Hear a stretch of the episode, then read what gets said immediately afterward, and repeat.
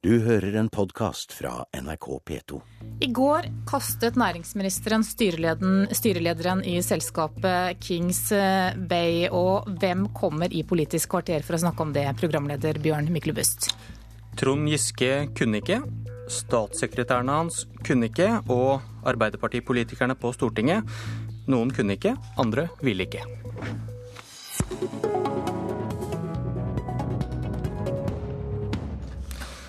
Arbeiderpartifri sending, altså. Men vi skal uansett snakke om Kings Bay. Det var ikke så vanskelig å få opposisjonen til å stille.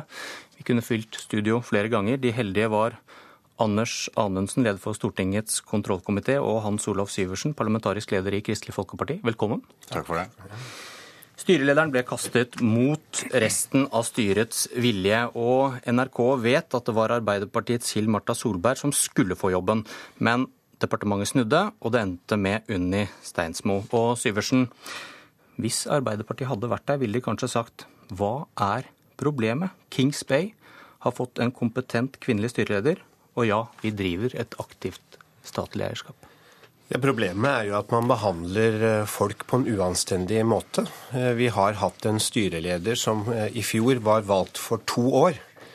Han får brått beskjed om at han skal gå av etter ett år, på tross av at samtlige sier at han gjør en strålende jobb som han har, styreleder. Han har sittet i elleve år? Ja, det er helt riktig. Men han ble valgt i fjor for en ny periode for to år. Så hvis det var tidsperioden som var problemet for Arbeiderpartiet, så fikk de heller eh, gjort det i fjor. På denne måten så viser man bare at man hadde til hensikt å foreta en ren partiutnevnelse, og det håper jeg andre får satt en stopper for ganske snart. Arne, Anders Anundsen, men det ble jo ikke noe partiutnevnelse. Det ble jo ikke Hill-Marta Solberg. Hva er problemet? Nei, problemet er jo at eh, det statlige eierskapet skal utøves på en profesjonell og skikkelig måte. Eh, og nok en gang får vi et eksempel på at Trond Giske ikke er profesjonell i sin eierskapsutøvelse. Vi har tidligere hatt Entra-saken, Telenor-saken ganger to, og vi har hatt Kongsberg Gruppe-saken, som alle illustrerer et eh, uprofesjonelt statlig eierskap, etter min oppfatning. Og Fremskrittspartiet og resten av opposisjonen var ganske tøffe i kritikken da. Nå fortsetter Giske på samme linje. Han gjør som han vil og blåser i alle andre. og Det er veldig uheldig, fordi det bidrar til å svekke tilliten til det statlige eierskapet. Og staten er en stor eier både i Norge og i utlandet. Og når utenlandske investorer ser at eh, staten som eier opptrer uprofesjonelt, så er det et problem for eh, alle de selskapene som staten er eier i. Dette er ikke første gang vi sitter her og diskuterer Giskes aktive eierskap, som du er inne på. Og dere har anklaget og anklager ham for kameraderi. Men statsråder har blitt tvunget til å gå, men Giske sitter. Kanskje fordi dere ikke har så mye å fare med.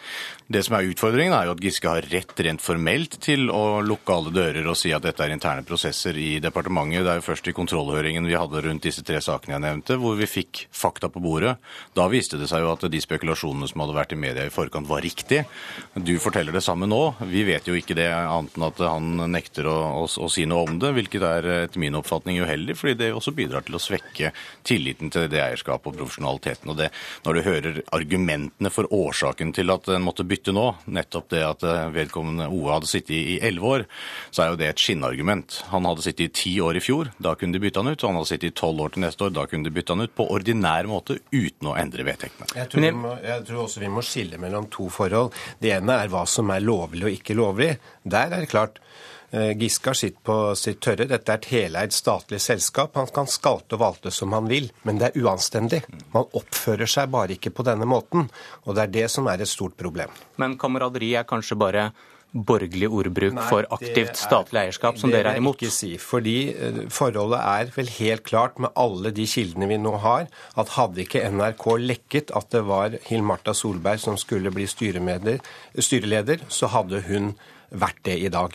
Men, men, eh, så ble det problemer når dette da kom ut i offentligheten. Men, men eh, et, et, annet, poeng her. I, I, Dagsnytt i dag så har vi da, som dere var inne på, hørt um, krav om innsyn i prosessen. Frp vil vite når Steinsmo, som ble styreleder, fikk spørsmål om denne styrelederjobben. og Hvorfor er det viktig, Anundsen? Jeg syns det er viktig for å bedre tillitsforholdet til eh, prosessen i departementet. Det som skjer nå, er jo at alle dører eh, lukkes og skalkes, og vi ser en eh, næringsminister som forvalter eierskapet på, som om det var hans egen lommebok og hans egne penger og verdier han burde forvalte. Det er det ikke. Det er dine og mine verdier han forvalter. Han skal gjøre det på fellesskapets vegne. Og det å ha åpenhet rundt sånne prosesser som er såpass tøffe, egentlig, i, hvor en får et tøft bilde i media, hvordan en behandler folk som gjør en skikkelig innsats. Kanskje med det for øye å utnevne egne partikollegaer til verv før et eventuelt regjeringsskifte til høsten, det er ikke forsvarlig. Derfor syns jeg det ville vært klokt av Giske hvis han denne gangen turte å være litt mer åpen. Men da merker vi oss også at med en eventuell borgerlig regjering, så blir det innsyn i disse prosessene, disse interne prosessene, når man skal ansette nye styrer. Det tror jeg Eller... ikke nødvendigvis er riktig, men eh, poenget er ja, hva skal vi... terskelen være da? Nei, poenget er at vi vil ha et ryddig eierskap. Vi driver ikke og skalter og valter med fellesskapets verdier styrer på denne måten. Det han har gjort, er å endre vedtektene midt i et valgår fordi han mente styrelederen har eh, sittet for lenge. Det visste han for, år, for ett år siden, at den styrelederen om ett år har sittet i elleve år. Det er rett og slett uprofesjonelt. Med en ny regjering så får du et profesjonelt eierskap. Og dette har jo fått konsekvenser for eh, styret allerede. Det er jo andre styremedlemmer nå som trekker seg i protest mot den måten styre, eh, styre er, styreleder er blitt oppnevnt på, og på den måten Giske har opptrådt på. Så jeg skjønner godt at det er ingen som eh, ønsker å sitte her fra Arbeiderpartiet, fordi dette smaker så altfor mye at noen har snakket sammen. Men her snakker vi ikke om Arbeiderpartiets indre sirkler, men vi snakker om hvordan man har håndtert et statlig eierskap. Men apropos profesjonelt og uprofesjonelt, Syversen. Hva, hva skal terskelen være for en borgerlig regjering for når man skal gi innsyn i det som i i, i, alt næringsliv er interne prosesser? Ja, jeg har ikke behov for å endre regelverket. Og det var, du... det, jeg, det, var det jeg sa. det er at Én ting er hva som er ulovlig. Den annen ting er hva som er uanstendig. Og jeg håper virkelig en borgerlig regjering vil opptre anstendig. Men hvis det blir kontrovers rundt eh, statlige styreutnevnelser med deg som næringsminister, så kommer du til å lette på lokket, eller? Altså, Vi skal ha i enhver situasjon eh, ordentlige runder. Eh, og så er det ikke slik at dette er for allmennheten alltid. Men det jeg vil eh, være helt sikker på, er at når man eh, bedriver den type styrevalg, så skal man behandle folk skikkelig. Og det har ikke med lover og regler å gjøre, det har med anstendig oppførsel. Og så er det jo prosesser rundt dette, og hvis man følger de prosessene skikkelig, så blir det veldig sjelden bråk om eh, utnevnelser til styret. Men det er når man kortslutter de prosessene, tar snarveier og gjør rare ting, da blir det støy og bråk. Og en ny regjering får jo da sørge for at den gjør dette riktig og skikkelig, og uten at den blir alt dette bråket ut av det. Du er leder for eh, kontroll- og konstitusjonskomiteen på Stortinget. Nå rekker man vel ikke å gjøre noe sak ut av dette, men hadde det blitt det, tror du? Jeg er ikke så sikker på det, for vi har behandlet eh, det rotete statlige eierskapet til Trond Giske to ganger tidligere i kontrollhøringer, så jeg er ikke sikker på om det hadde blitt noen tredje sak. Men det underbygger jo det jeg mener har vært en rotete prosess i flere situasjoner. Og dere hadde vel ikke klart å felle han og bevise noen kameraderi denne gangen heller, kanskje? Så er det vel sånn at en flertallsregjering er en flertallsregjering inntil noe annet eh, tror, skjer til høsten. Jeg tror velgerne får utøve den kontrollfunksjonen, og det kan de gjøre hvert øyeblikk. Og det skal vi snakke om nå.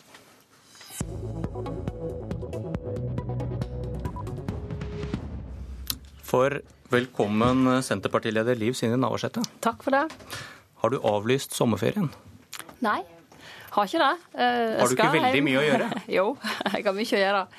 Men eh, jeg tror det er viktig òg for en politiker på nasjonalt nivå å ta seg tid til familieliv og unger og barnebarn og foreldre, og ikke minst en ektemann som sier altfor lite. Så litt ferie må jeg ha. Vi skal snakke litt om det du trenger å gjøre før høsten kommer. I dag åpner du sommerens vakreste eventyr, der alle partilederne etter tur forteller historien om hvor flinke de har vært. Og du kan kanskje finne bevis i det Stortinget behandler denne uken. Senterpartiet har fått gjennomslag i jordbruksoppgjør, i Nasjonal transportplan, du får riste på hodet hvis jeg sier noe feil her, og i kommuneøkonomien.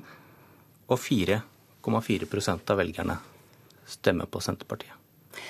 Ja, det er jo et paradoks, uh, rett og slett. Når vi ser hvor stor påvirkning Senterpartiet har på norsk politikk, uh, ut ifra uh, vår andel av stortingssammensetningen, Så, så gir vi virkelig valuta for, for de som har stemt på oss. Eh, vi har fått gjennomslag i de sakene du nevnte, og vi har òg fått eh, gjennomslag for styrking av eh, private næringsdrivende.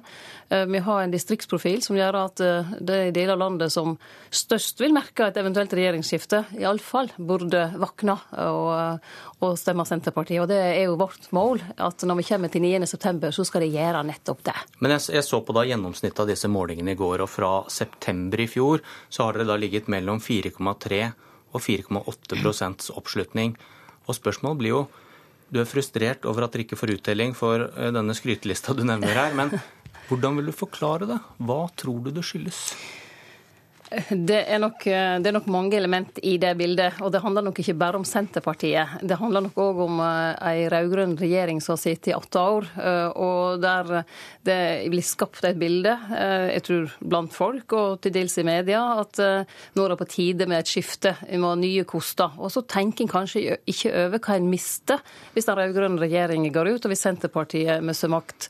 Da vil en jo miste et parti som står på for samferdsel, for mer matproduksjon matproduksjon for at kommunene skal kunne ha gode velferdstjenester. For når vi snakker om kommuneøkonomi, så er ikke det sikkert alle tenker over det, hvor viktig det er for folk sin hverdag. Men det er jo det som avgjør om vi skal ha gode barnehager, skoler, eldreomsorg. Eh, rett og slett de tjenestene som du og jeg bruker hver eneste dag. Um, så det er vår jobb fram til valget, ikke bare min, men hele partiet sin. Og vi har et stort apparat ute i kommunene og snakker med folk og forteller folk at det er ikke slik en får beholde alt det en har, og litt til. Litt skattelette og litt mer frihetsgrad i hist og pist. En vil misse ganske mye. Men jeg har en alternativ forklaring. Skremmebildet av de blå stemmer ikke. Det vil nok uh, du kunne si, uh, og det vil kanskje andre mene. Men de får iallfall en helt annen retning på landet. Det blir andre verdier som blir styrende. Der vi er opptatt av fellesskap, vil de satse mer på privatisering, konkurranseutsetting. Og for Senterpartiet, som er opptatt Men velg, velgerne er tydeligvis ikke redd for det, da. Det, det, blir ikke bevegelse på målingen uansett hva du slår i bordet med. Ja. Om det er Nasjonal transportplan eller jordbruksoppgjør så ligger dere på 4,4% Ja, Nå får vi se hva meningsmåling er én ting, valg er noe annet. For Senterpartiet pleier det å være to veldig ulike ting. Eh, vi har en tendens til å gjøre bedre valg enn det meningsmålingene syner. Og vi har veldig gode ambisjoner på at vi skal gjøre det òg eh, i september. Men det betinger en hard jobb framover. Og vi må samla sett i partiet virkelig jobbe nå eh, for å få det resultatet som vi ønsker oss, og som må være like bra som det vi hadde sist. Alle vil bruke penger på vei og bane, her er det overbud på overbud. Men når det gjelder jordbrukspolitikken, der er jo forskjellen stor på Liv Signe Navarsete og de blå partiene. Er det bøndene som skal redde Senterpartiet? Vi har en landbrukspolitikk som skiller oss veldig fra de fleste andre partier. Eh, for vi mener matproduksjon og det å ha kortreist norsk mat, det er viktig i Norge. Det er viktig i en beredskapssituasjon, det er viktig eh, i en global situasjon, og det er viktig for at landbruket er en av ryggradene, for å si det sånn, er viktig ryggrad i det å opprettholde bosetten. Altså det skal være liv og røre. Men ser, ser du at jordbruk kan være en viktigere sak enn NTP, for der er det vanskeligere og der er det mange beina. det er mange, Vi skiller oss nok tydeligere i jordbrukspolitikken, men vi hadde ikke hatt den satsinga på samferdsel i dag hvis ikke det var for Senterpartiet. Og det kan jeg si helt tydelig, for jeg har sittet og vært med og forhandla fram to nasjonale transportplaner nå, sammen med Marit, selvfølgelig, som har hatt ansvar for den siste, eh, og vet at vi har vært driveren der òg. Senterpartiet er et parti som har politikk for alle områder i samfunnet vårt. Men vi har òg en historie som gjør at vi er spesielt opptatt av distrikt og landbruk, næringsdrivende, næringspolitikken i bredt i hele Distrikts-Norge. Hva skjer med Senterpartiet hvis det rød-grønne flertallet ryker? Da er et scenario som vi selvsagt ikke planlegger for å tenke på. Men skulle det så skje, så skal vi bli et aktivt opposisjonsparti eh, på Stortinget. Eh, selvsagt skal vi det. Er det naturlig at eh, Senterpartiet går til valg om fire år som del av et rød-grønt regjeringsalternativ? Nå går vi til valg i 2013 på et rød-grønt regjeringsalternativ. Vi har viktige verdier for samfunnet som står på spill. det ligger vel et kanskje ikke i det svaret der, da? Nei, men hva vi gjør om fire år, eh, det får vi svare på om fire år, tenker jeg. Det får landsmøtet i eh, det, når vi kommer så langt, svare på. Det men er det, er det en naturlig debatt om hvor Senterpartiet hører hjemme, som bør tas etter et eventuelt nederlag?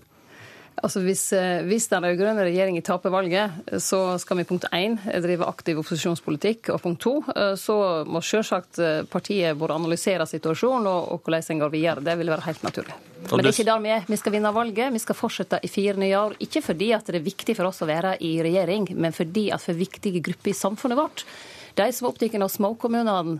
Jeg tror valget til høsten blir en meningsmåling om vi skal beholde småkommunene eller legge dem ned i dette landet. Det blir kanskje den viktigste saken i valgkampen. Ok, god sommer, Liv Signe Navarsete. Du har hørt en podkast fra NRK P2.